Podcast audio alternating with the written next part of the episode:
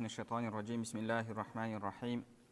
الحمد لله رب العالمين والصلاة والسلام على نبينا محمد وعلى آله وأصحابه أجمعين. رب اشرح لي صدري ويسر لي أمري واحلل عقدة من لساني يفقه قولي. اللهم علمنا ما ينفعنا وانفعنا بما علمتنا وزدنا علما وعملا وتقا وإخلاصا يا رب العالمين. أما بعد السلام عليكم ورحمة الله وبركاته. Иншаллах алла субханала тағаланың қалауымен имам абу хамид ал ғазали рахмауллахтың ихя улумиддин кітабы бойынша нәпсін тәрбиелеу тақырыбындағы дәрістерімізді ары қарай жалғастырамыз біз сіздермен китабу ниети уал ихлас яғни ықылас ниет бабындамыз ықылас ниет мәселесін үйреніп жатырмыз және өткен дәрісте ықыласқа қатысты аят хадистерді және ғұламалардың сөздерін оқып үйренген болатынбыз. Бүгінгі имам абу хамид ал ғазали рахмауллахтың бүгінгі қарастыратын мәселеміз ол баяну хақиқатил ихлас яғни ықыластың ақиқаты ықыластың ақиқаты жалпы араб тілінде егер бір нәрсе еш нәрсемен басқа араласпаса онда ол нәрсені халис яғни таза нәрсе деп айтады.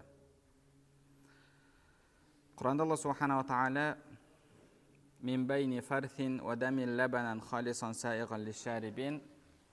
сүтке қатысты айтады. Ол қан мен жынның арасынан сондай таза сүт болып шығады дейді. Яғни алла тағала сүтті солай өзінің құдіретімен шығарады. Бұл жерде халиса деп тұр. Халиса яғни сондай таза. Оған қан араласпаған оған жын араласпаған жын деген әлгі ішіндегі ә, нәрсе. Бұл жерде жын деген ә, мақлұқ мағынасында емес. Яғни бір нәрсе таза болатын болса оған басқа еш нәрсе құрамына араласпаса сол нәрсеге халис деп атады айтады. Ықылас деген сөзіміз араб, араб тіліндегі ихлас ол бір нәрсені басқа еш нәрсені араласпас, араластырмастан істеу. Егер кімде кім амалын еш нәрсені араластырмай істейтін болса ол адамға мұхлис дейді. Мұхлис яғни ықыласпен амал етуші. Ал егер оның ықыласына немесе ниетіне бір нәрсе араласатын болса онда сол араласқан нәрсе негізі ниетке кірген ширк болып табылады. Ниетке кірген ширк енді сол ширктің жасырыны бар оның ашық көрініп тұратыны бар. Жалпы осы ықылас пен ширк екеуі де адамның жүрегінде орын табатын нәрселер болып табылады. Біз өткен дәрістерде ниет жайында айтқанбыз. Ниет деген не деген кезде ниеттің ақиқаты бұл адамның ішкі талап етіп тұрған адамның ішкі қалауын орындау деген болатынбыз осы шынайы ниет. Осы шынайы ниет. Егер адамның ішкі мысалы ниеті немесе қалауы бір нәрсе болса кейін ол тілімен тағы бір нәрсені айтатын болса негізгі есепке алынатын бұл жерде адамның ішкі қалауы болып табылады. Яғни ниет дегеніміз жалпы адамның ішкі қалауы. Сол үшін де ниет деген нәрсе адамның таңдауына берілген нәрсе емес екендігін біз айтқан болатынбыз. Енді адамның осы ішкі қалауы ішкі қалауы бір нәрсені істеген кезде бірнеше ниеттерден бірнеше қалаулардан тұратын болса онда ол адам ықыласпен амал етіп жатқан адам болып табылмайды. Ал егер бір нәрсені қалап тұрса ол адам мұхлис болып есептеледі. Яғни ықыласпен амал етуші. Жалпы тілдік тұрғыдан алғанда мысалы бір адам намаз оқиды. Намаз оқыған кезде оның ниеті тек қана адамдардың мақтауын адамдардың мақтауына ілесу. Адамдар мені мақтаса намаз оқығанымды көрсе деген ой. Бұл адам сол ниетіне байланысты мұхлис болып есептеледі. Яғни таза рияны қалап тұр. Екінші бір адам таза сауапты қалап тұр. Ол өзінің ниетіне байланысты мұхлис ықыласпен амал етіп жатыр.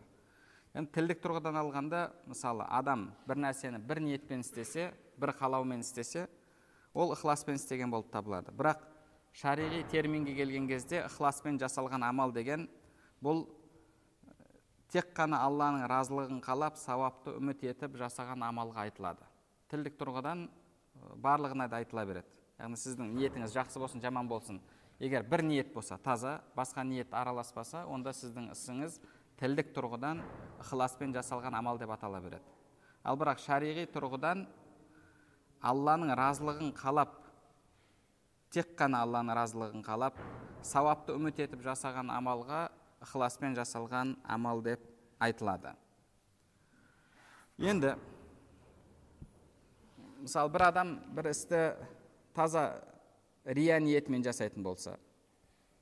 Әлбетте ол адам алла тағаланың алдында азапқа душар болады. Ол жайында біз рия сабағында риягершілікте айтып өткен болатынбыз. Үкімдерін қаншаға бөлінеді ол мәселелерді ұзағынан талқылаған болатынбыз. Жалпы адамның ниеті таза рия болатын болса бір нәрсені істеп жатқан кезде бұл адам алланың ғазабына алланың жалпы ол адамды азаптауына лайық. Ол жайында біз айтып өткен болатынбыз. Ең төменгі ол алатын азап қияметте ол адамға я мураи я мухади я мушрик я кәфир уа ә, риякершілік жасаушы уа жалған айтушы уа мушрик я кәфир деген сөздер айтылады. Енді бұның үкімі анық түсінікті ал бірақ мысалы бір адамның ниеті аралас болса ше ниеті аралас болса қалай болады ол адамда сауапты үміт ету бар және басқа ниет араласып жатыр яғни ішкі жан дүниесінде сауапты үміт етеді сонымен бірге тағы бір нәрсе басқа бір нәрсе оның ниетіне араласып жатыр қалауына осы жерде соның үкімі қалай болады? Имам абу хамид ал ғазали рахмаулла біз бұл бапта соны ғана қарастырамыз дейді себебі рия мәселесін оны рия кітабында талқылап өткенбіз деді.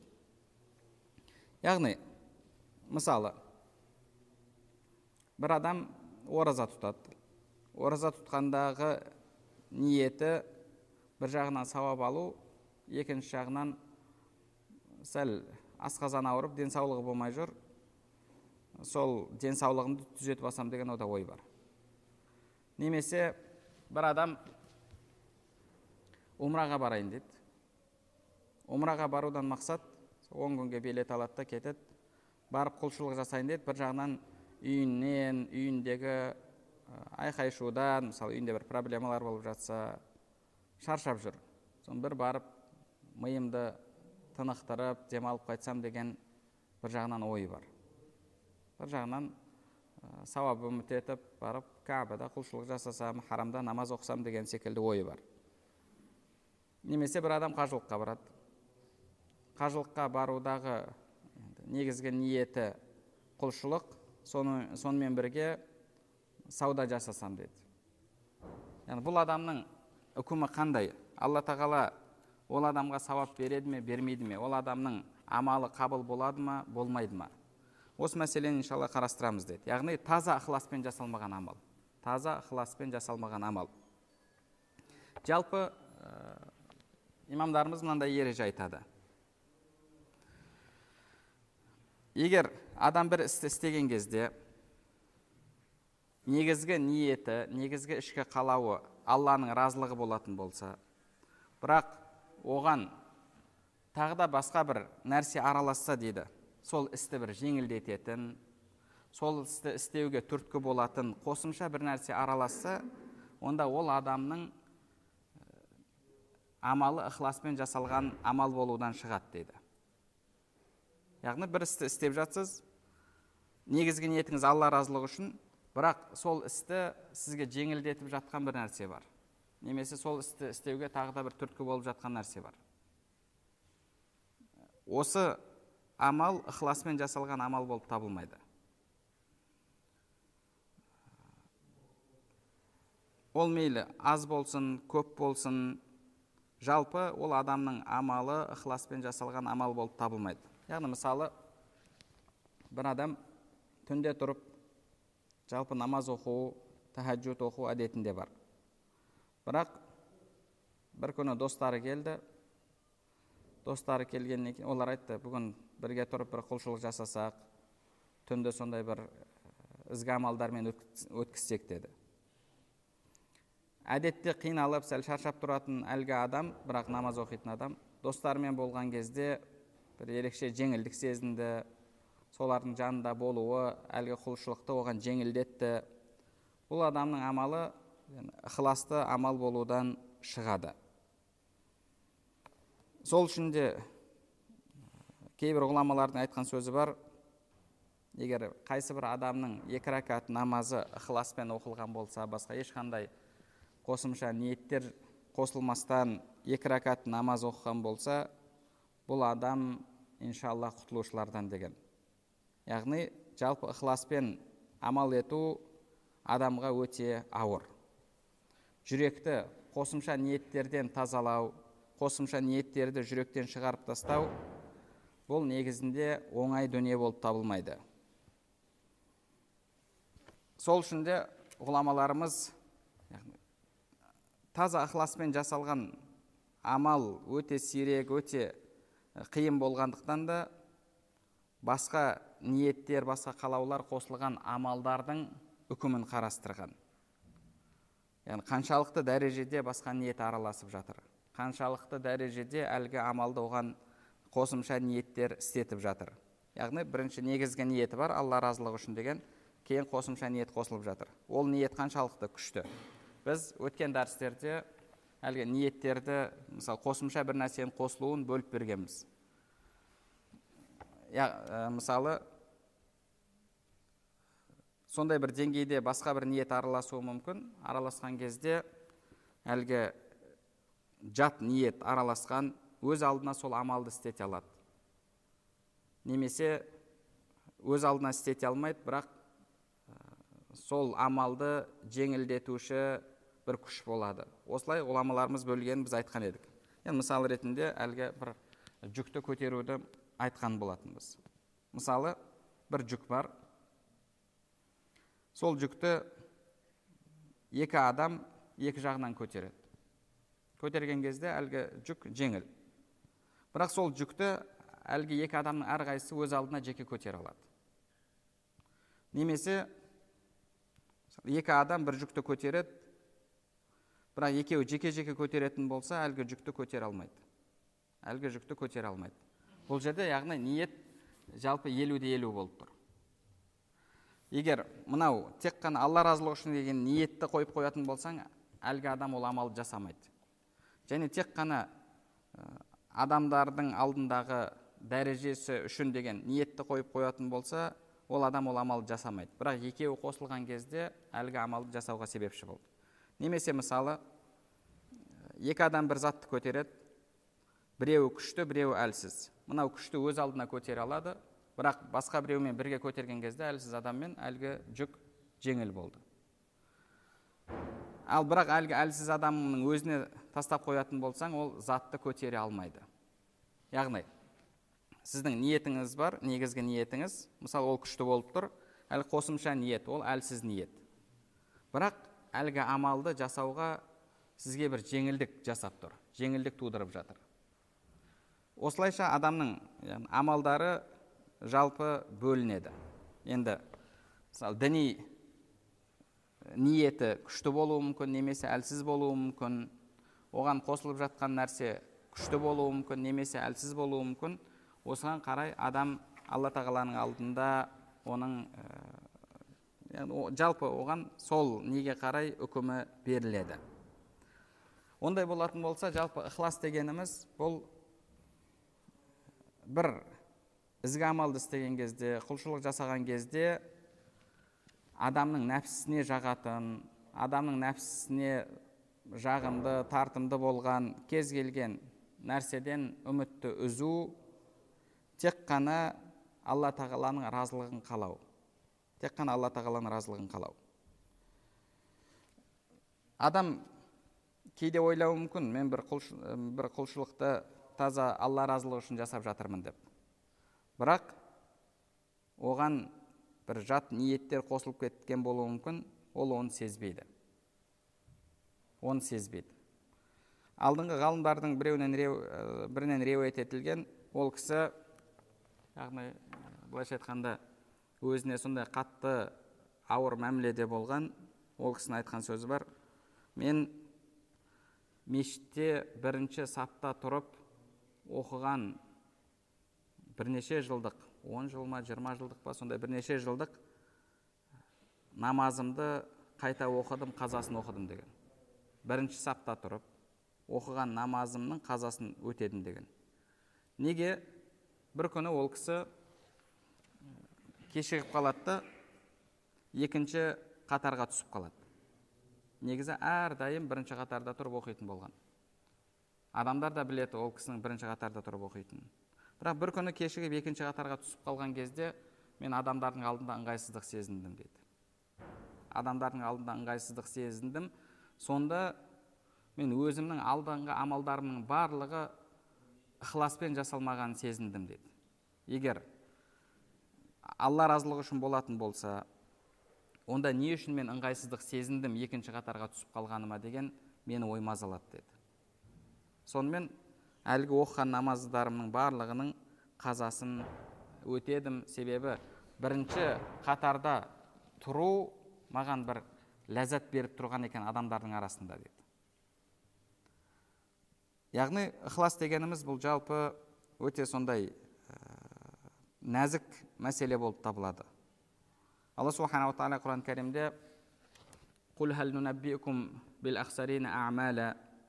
айтты мұхаммад амалда зиянға ұшырағандар жайында хабар берейін бе? деп айт деді. Олар олар олар жақсы амал істеп жатырмыз деп ойлайды бірақ амалдары зая кеткендер дейді. Яғни ықыласпен жасап жатырмын алла разылығы үшін жасап жатырмын деп ойлайды бірақ шын мәнінде амалы олай емес. Яғни бұл жақсы амал жасап жатырмын деп ойлайды. Мен амалым ықыласпен деп ойлайды. Ол риямен жасап жатырмын деп ойламайды басқа бір ниетпен жасап жатырмын деп ойламайды. Бірақ ақиқатында оның амалы солай болып табылады. Және алла субханала тағала құран кәрімде алла тағаланың алдына барған кезде алдарынан күтпеген нәрселер шықты дейді. Бұл осы амалдарына жат ниеттер кіріп кеткендер деді жат ниеттер кіріп кеткен адамдарға қатысты деді имам абу хамид ғазали айтады. Және осы жат ниет қосымша ниеттердің кіру фитнасына ұшырайтын ең бірінші ұшырайтын ең ауырына ұшырайтын адамдар ғалымдар дейді. Ол мен дінді таратып жатырмын менің осы сабақтарды өткізуіме уағыздарды айтуыма кітаптарды жазуыма дінді тарату ниеті себеп болып жатыр деп ойлайды. Бірақ ақиқатына келген кезде ол адамның ниеті адамдардың артынан еру мен қуану адамдардың арасында мақталғандығы үшін қуанады. Бірақ енді бұл сондай бір нәзік мәселе болады. Ол оны сезбейді кейде. Мен алла разылығы үшін қызмет етіп жатырмын алла разылығы үшін жұмыс істеп жатырмын деп ойлайды. Бірақ адамдар оны мақтаса қуанады адамдар төрге шығарса қуанады. Мысалы басшылардың алдында басшылар оны құрметтеп жатса сол үшін қуанады. Бірақ ішінде мен алла разылығы үшін қызмет етіп жатырмын деп ойлайды. Егер басқа бір адам шығатын болса дінді уағыздайтын әлгі адамның жүрегінде бір мазасыздық пайда болады. Ол адамды жақтырмайды. Ол адамды тыңдаушылар көбейіп кететін болса мынаның жүрегі бір мазасызданады. Сол кезде ойлайды мен не үшін бұлай мазасызданып жатырмын? Менің ниетім алла разылығы үшін емес пе? Алла разылығы үшін болатын болса онда басқа бір бауырымның да шығып дінді уағыздап адамдардың арасында жалпы діннің таралуына қызмет етіп жатса мен не үшін ол үшін қайғыруым керек деген ойға келеді. Сол кезде шайтан келеді де оған қайтадан айтады. Жоқ дейді сенің бұл жердегі уайымдауың қайғыруың ол адам сенің орныңды басып алатындығы үшін емес. Ол адамды адамдар көбірек тыңдап кетіп ол адамның сабағын көбірек тыңдап кетіп мені аз тыңдап сауабым азайып қалады ма сауабым кемейіп қалады ма деп сен қорқып жатсың. Сен сол үшін уайымдап жатсың. Сенің уайымдауың бұл жерде яғни дүние үшін мансап үшін емес деп шайтан келіп ол адамға тағы да фәтуа береді. Шайтан келіп оған фәтуа береді. Сонымен ол ойлайды а шынымен де сондай екен ғой мен сол үшін уайымдап жатыр екенмін ғой сол үшін қайғырып жатыр екенмін ғой. Алдын уағызымды көбірек адамдар тыңдайтын еді көбірек сауап алатын едім. Енді анау пәленше шығып еді азырақ тыңдап қалды азырақ сауап алып қалдым мен сол үшін қайғырып жатырмын деп осындай шайтанның уәсуасасына түседі. Имам абу хамид ал ғазали айтады. Ол бейшара ол міскін негізінде лайығырақ адам болса соған істі тапсырудың қайда пайдалы қайда дұрыс екендігін білсе және ниетінде таза ықыласпен амал жасау болатын болса онда солай істер еді деді. Оған мынандай мысал келтіреді. Омар радиаллаху анху. Әбу бәкір радиаллаху анху халифалыққа келген кезде қуанды. Қуанды. Не үшін? Себебі лайық адам келді деді. Лайық адам сенімді шыншыл адам келді басшылыққа деп қуанды. Егер дейді омар радиаллаху анху сол жерде қайғырса дейді оның орнына мен болғанымда еді. Мен сол жұртқа қызмет етіп көбірек сауап алсам еді деп сондай оймен болса да қайғырса ол кісінің ісі дұрыс болар ма еді деді. Әлбетте оның ісі дұрыс болмайды. Лайығырақ адам келді ме лайығырақ адамға тапсырған негізінде абзал болып табылады. Ар жағынан мен сауаптан құр қалдым басқа қылдым деген нәрселер бұл негізінде яғни шайтаннан келетін уәсуасалар сол үшін де жалпы адам кейде сондай шайтанның азғыруларына еріп өзіне фәтуа іздейді. Негізінде шайтан сондай керемет пәтуа беруші адам. Пәтуа беруші адам емес пәтуа беруші мақлуқ саған неше түрлі пәтуаларды алып келеді? Алла субханала тағала сол үшін де құран кәрімде бізге айтты. Шайтанның сөзін келтірді. Мен адамдарды азғырамын оң жағынан келем, сол жағынан келем, сөйтіп оларды тура жолдан адастырамын деді. Артынша бірақ сенің ықыласты құлдарыңды азғыра алмаймын деді. Ықыласты құлдарыңды азғыра алмаймын деді. Неге? Себебі оның ниеті таза алла разылығы үшін. Ода басқа ешқандай қосымша ниет жоқ. Енді адамның ықыласын бұзатын амалдарды қарастырып көрсек немесе ниеттерді. Имам абу хамид ғазали рахмаулла адамның ықыласын бұзатын ниеттер әлгі қосымша жат ниеттер кейде анық көрініп тұратын ниеттер болады кейде хафи жасырын болады кейде көрініп тұрса да әлсіз болады кейде сондай көрініп ашық айқын болып тұрса да әлсіз болады кейде керісінше дейді. Жасырын болады бірақ күшті болады.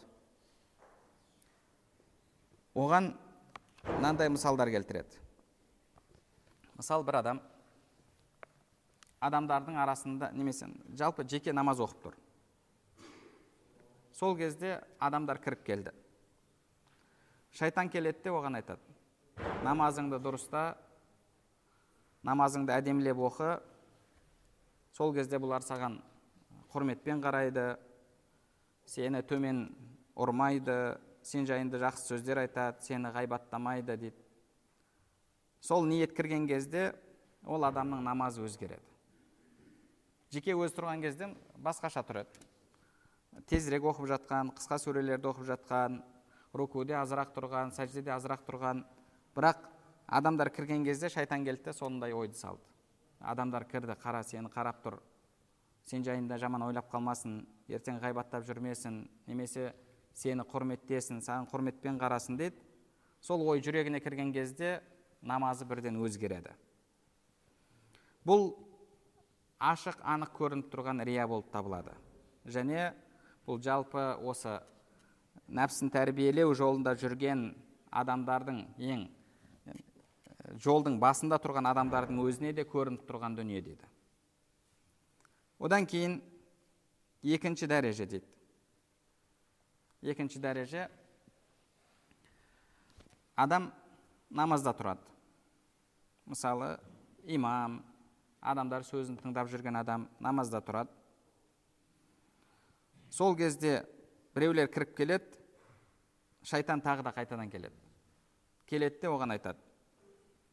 Негізінде сенің ниетің адамдар сені мақтасын деген мақтасын деген ниет емес. Адамдар саған қарап үлгі алады сені үлгі тұтады.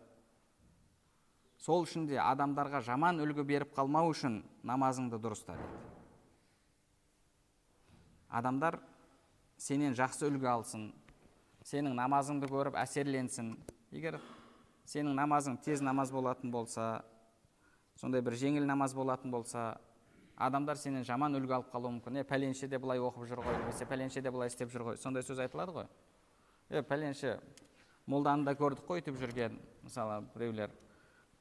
Сөзде сол нәрсені дәлел келтіреді пәленше үйтті ғой пәленше бүйтті ғой деп сөйтіп сен жаман жағына дәлел болып қалуы мүмкін үлгі болып қалуы мүмкін сол үшін де сен амалыңды дұрыста осы жерде намазыңды дұрыста олар сенен үлгі алады сен сауапқа қаласың.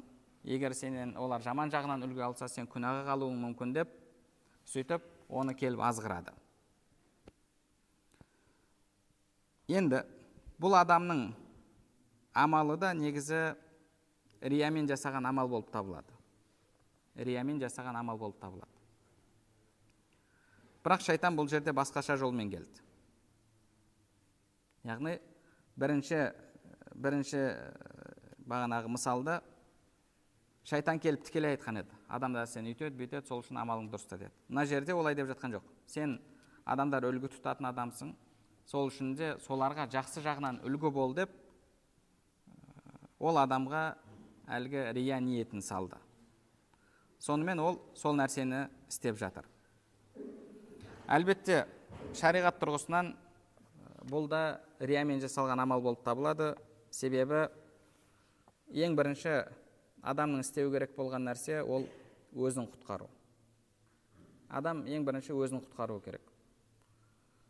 Енді сен адамдар менен үлгі алсын деп істеген кезде бұл жерде рияны істеп жатсың. Рияны жасап жатсың. Енді қалайша сен рияға көшесің өзіңнің тозақтық болуыңа разы боласың адамдар менен үлгі алсын деп. Әлбетте бұл дұрыс емес. Қазіргі таңда кейбіреулер сондай сөздерді айтып жүр. Өзіңді құрбан қылып болса да жұртты тозақтан құтқару деген бір сондай пікірді айтып жүр. Осы елімізде тараған жамағаттардың бірі өзінің ерушілеріне әйелдеріңе орамал тақтырмаңдар. Қазір жұрт түсінбей қалады жұмыс орнынан шығып қалуы мүмкін тағы да басқа да сондай бір себептермен әйелдеріңе орамал тақтырмаңдар деді. Жұмыс орындарыңда намаздарың көрсетіп оқы немесе намаз оқитындарың білмесін деген сияқты осындай сөздерді айтады. Әсіресе осы әйел мәселесіне қатысты. Орамал тақтыруға асықпаңдар. Біз қазір меккелік дәуірдеміз. Біз бірінші адамдарға ля иляха иллалланы жеткізіп алайық. Біздің сыртқы келбетіміз соған кедергі болып қалмасын деген осындай пәтуаларды айтады. Жарайды енді ол. Ихтиляфи болған тастасаң ә, күнә болмаған амал болатын болса жарайды. Ондай бір неге кетуге болатын шығар уступкаға. Ал бірақ парыз мәселесінде бұл әлбетте адасу болып табылады бұндай пікір. Яғни сондай бір жамағат бар солай істейді. Сол жамағатта болған бір бауырымыз айтады кейіннен шығып кеткен.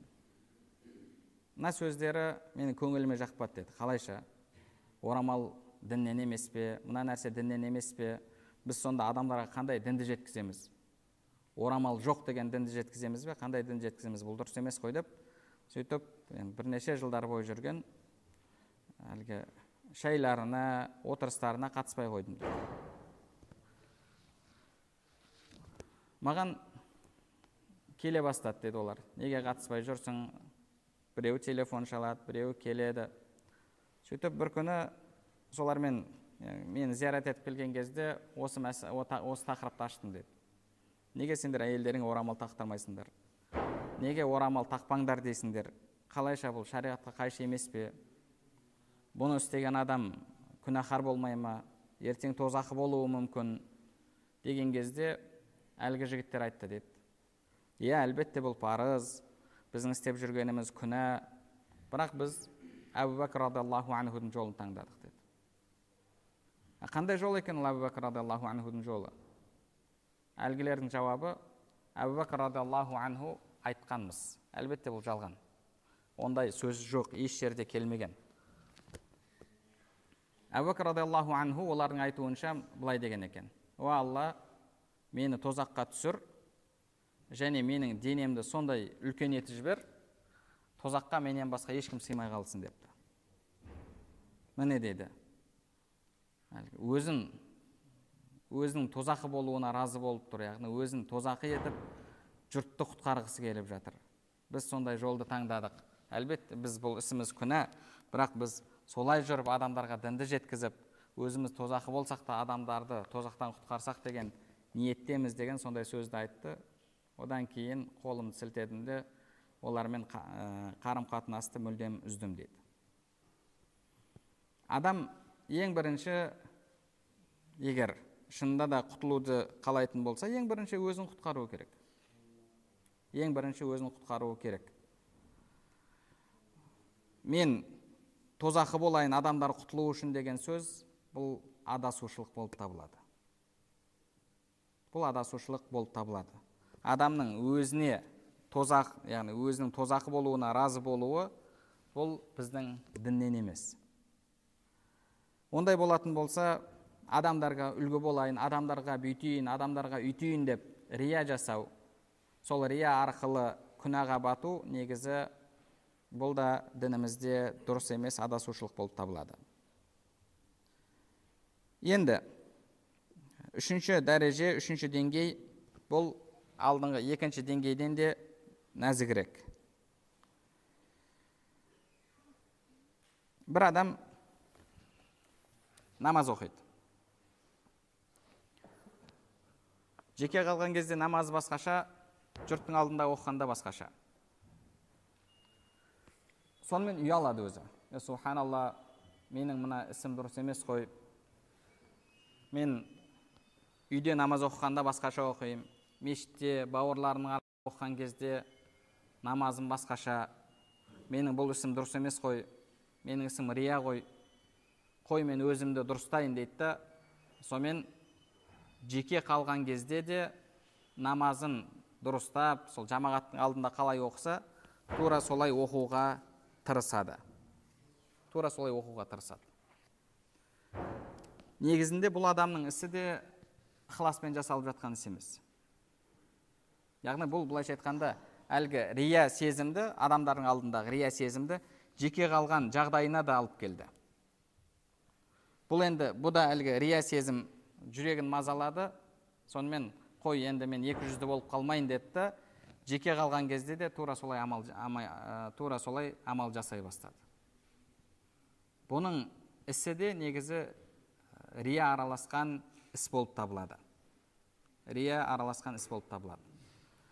Бұдан қалай құтылады?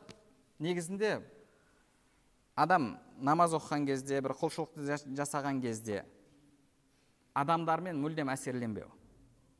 Адамдармен мүлдем әсерленбесе оның ниетіне жеке қалған кездегі жеке қалған кездегі жағдайы немесе адамдардың арасында болған жағдай ешқайсысы әсер етпесе имам хамид ғазали айтады адамды көріп тұрған кезде мысалы малды көріп тұрған кезде әсерленбейді адамды көрген кезде тура сондай болу керек дейді адамды көргенде де тура сондай болу керек. Сен мысалы намаз оқып жаттың. Намаз оқып жатқан жеріңе қой келді дейік сиыр келді дейік сен ойбай қой келіп қалды сиыр келіп қалды қой намазымды дұрыстайын демейсің ғой. Немесе мысалы еңбектеп бір жасар балаң кіріп келді. бір жасар балам кіріп келді деп намазыңды дұрыстамайсың ғой. Тура яғни үлкен басқа адамдарды көрген кезде де сенде тура осындай жағдай болу керек деді. Адамдардың болуы болмауы сен үшін маңызды болмау керек деді. Ол нәрсені мүлдем ұмытып кетуің керек деді. А мына жерде бұл адам не істеп жатыр? Адамдардың алдында жаман көрінгісі келмейді. Енді сол адамдардың алдында жаман көрінгісі келмегенінен ұялып yani жеке қалған кезде амал өзгеше болғаннан. Сонымен енді қой жеке қалғанда да амалымды дұрыстайын деп жатыр. Негізінде бұның бұл ісі де дұрыс емес бұның амалы да ықыласпен жасалған амал емес. Бұл бұл адамда жалпы адамдардың алдында қысылу адамдардың алдында қиналу адамдардың алдында амалын өзгерту деген нәрсе болмау керек. Жалпы адамдар бар жоқ екеуі бірдей болу керек. Сол кезде сенің амалың ықыласпен жасалған амал болады. Енді төртінші деңгейі бұл алдыңғыдан да нәзік. Егер бір адам намаз оқып жатса шайтан келеді де оған айтады. Енді жалпы бірінші келіп оған адамдар үшін намазыңды дұрыста адамдар үшін хушуапен намаз оқы деп айта алмайды. Неге? Себебі бұл адам бұндай пікірлердің шайтаннан екендігін біледі. Шайтан келеді де бұған айтады. Жамағатпен намаз оқып тұрған кезінде алла тағаланың алдында тұрсың алланың ұлықтығын сезін. Алла тағала жүрегіңді көріп тұр. Жүрегіңде басқа ниет болмасын. Ұялмайсың ба алла тағаланың алдында жат ниетпен намаз оқуға? Сол үшін де алланың ұлықтығын сезініп тұрып намаз оқы деп шайтан келіп оған ой салады. Қалайша? Яғни ол сол, сол ойымен әсерленеді де сонымен хушуаппен намаз оқиды. Хушуаппен намаз оқиды. Бұл да негізі шайтанның азғыруы болып табылады. Неге? Себебі адамға тура жамағат жамағатпен тұрған кезде хушу ойы келіп жеке тұрған кезде тура сол сезім келмесе онда бұл адамда негізінде шайтанның әлгі жасырын азғыруына уәсуасасына түсіп қалған адам. Негізі бір жағынан қарасаң өте ауыр. Бірақ адамның негіз ықылас деген не еді? Ғұламаларымыз айтпақшы яғни жасырын жасалған амалың мен әшкере жасалған амалың екеуінің бірдей болуы деді. Сен жеке тұрған кезде хушуапен оқи алмайсың алланың ұлықтығын сезіне алмайсың. Бірақ жамағатпен тұрған кезде не үшін саған ондай ой келеді? Жамағатпен тұрған кезде адамдардың арасында тұрған кезде не үшін саған ондай ой келеді? Неге жеке тұрған кезіңде келмейді керісінше сол ойлардың барлығы адамға жеке тұрған кезінде келу керек. Пайғамбарымыз саллаллаху алейхи вассалам бекерге айтқан жоқ қой. Жеке қалып әлгі алланы зікір етіп құлшылық жасап көзінен жас шыққан адам деді. Жеті түрлі адамның бірі.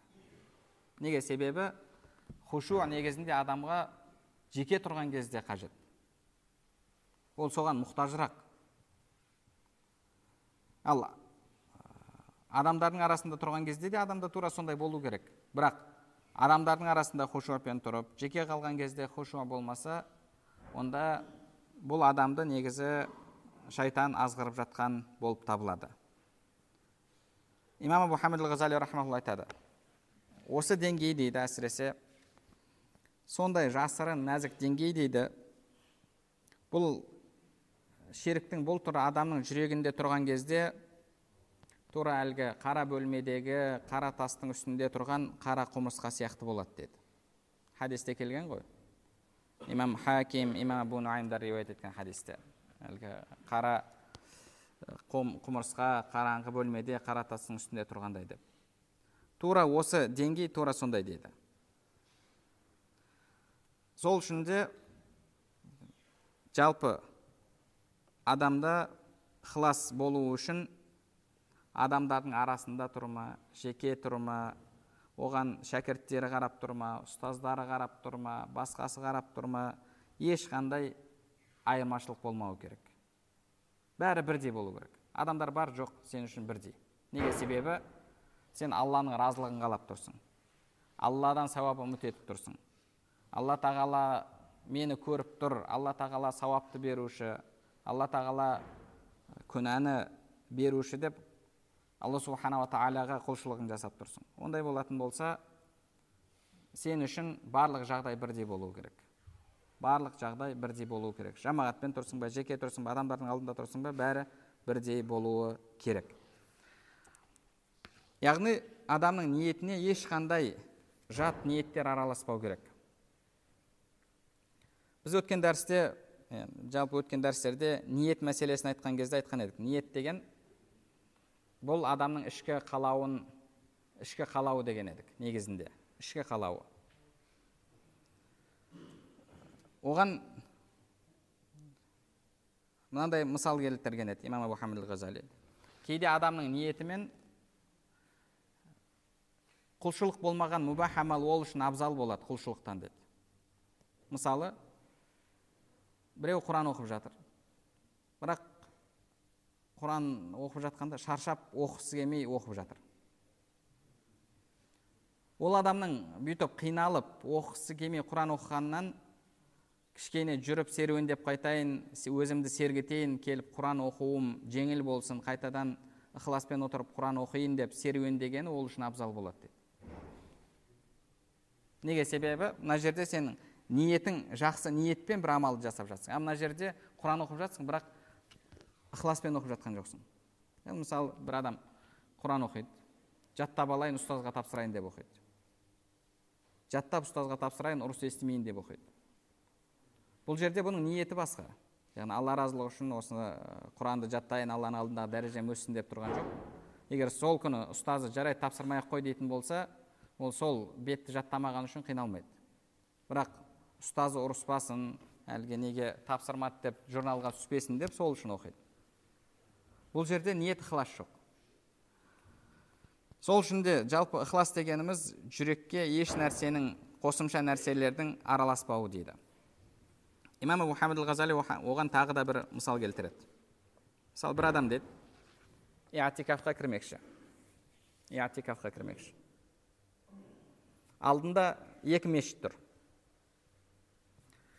Бір мешіт керемет дәрет алуға ыңғайлы дәретханасы ыңғайлы іші әдемі кілемдері ыңғайлы. Сондай мешіт.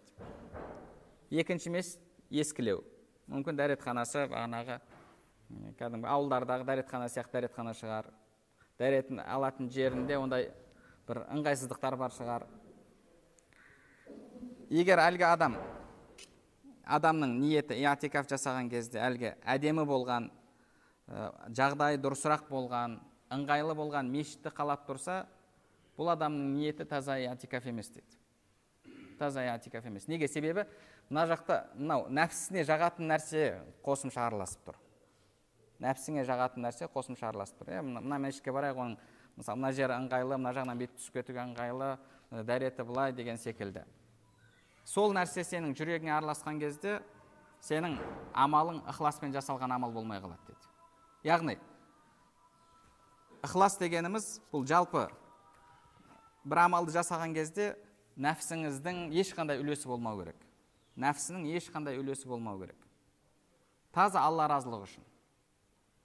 Сол кезде бұл амал негізі ықыласпен жасалған амал болып табылады. Яғни бұл сондай нәзік нәрсе болғандықтан да ғұламаларымыз айтқан сөз бар. Кейбір ғұламалар айтқан ғалым адамның оқыған екі ракат намазы жәһилдің бір жылдық құлшылығынан абзал деген. Бұл жерде ғалым деген кезде яғни әлгі ішкі апаттарды білетін жүректің апаттарын білетін ықыласты бұзатын нәрселерді білетін адамның жасаған амалы дейді. Неге себебі ол? Сол нәрселерден әлбетте онымен бірге әрекет болуы керек. Әлгі нәрселерден құтыла алады. Ал бірақ адам білмесе кейде осындай нәпсісіне жағатын нәрселерге еріп нәпсісінің үлесін беріп нәпсісінің талап еткенін беріп бірақ амалым алла разылығы үшін жасалып жатыр деп ойлайды. Сол үшін де жалпы ықылас дегеніміз яғни адамның жүрегіне еш нәрсенің жат ешқандай ниеттің араласпауы таза алла разылығын қалау болып табылады.